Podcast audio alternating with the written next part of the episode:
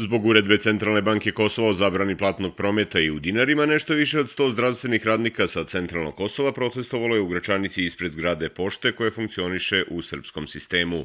Oni su pokušali da na bankomatu ispred pošte podignu svoje plate, ali novca nije bilo. Mi smo do sada platu primali u dinarima na ovom mestu, međutim od 1. februara sa odlukom kosovskih vlasti smo primorani da za svoje plate idemo većina odavde već zna, idemo uh, do najbliže ekspoziture uh, komercijalne banke u Koršumli.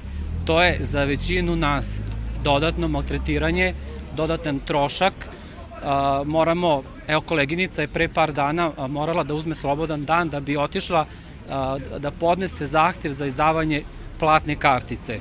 Znači, ona je morala da se maltretira kako na jednoj, tako i na drugoj strani administrativnog prelaza, tamo je čekala 3 sata upravo da bi završila jedan najobičniji adres, administrativni postupak koji smo mi do sada to ostvarivali ovde.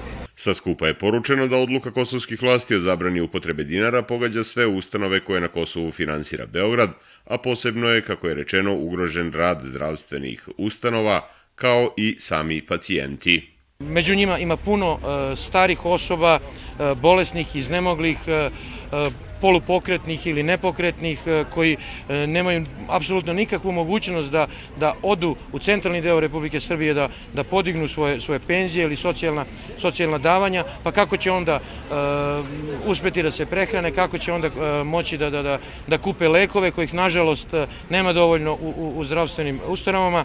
I uh, još jednom je uh, i sa ovog mesta uh, naša molba s, uh, svim međunarodnim faktorima da nam uh, omoguće uh, i nama kao zdravstvenim radnicima, ali pre svega našim uh, pacijentima omoguće osnovno pravo na život i na egzistenciju. Znate i sami da da određeni pacijenti moraju da plaćaju participaciju za neke usluge, sada kada je zabrana dinara sve to dovodi u opasnost pružanja zdravstvene zaštite, odnosno dovodi u pitanje našu egzistenciju, naš opstanak i ostanak na ovim prostorima. Doktorka Doma zdravlja Kosovo Polje Zorica Jovanić ocenila je da su mnogi ljudi na Kosovu, a posebno najugroženiji, ostavljeni na, kako je rekla, cedilu od strane svih. Nažalost, niko nas ne čuje, da je to sve perfidna igra, suptilna igra velikih, a mi smo mali i mi ne možemo ništa. I to je problem ali ajde da se dogovorimo, da sednemo, da se dogovorimo i da kažemo šta treba da uradimo jedni drugima, da bismo živeli u miru, jedni pored drugih, ako ne možemo zajedno, i da jednostavno zaboravimo sve ono što je iza nas i da živimo u nekim boljim uslovima i nekom lepšem vremenu. Eto, to je poenta. Podpredsednik vlade Kosova Besnik Bislimi rekao je pre dva dana da će vlada Kosova uskoro napraviti listu od 10 mera da građani koji imaju davanja iz Srbije ne budu oštećeni.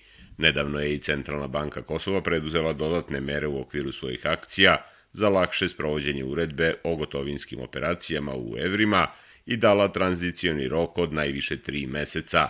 Jedna od tih mera odnosi se na olakšavanje uslova za otvaranje računa u nekoj od kosovskih banaka, gde bi građani plate koje im uplaćuje Beograd primali u evrima.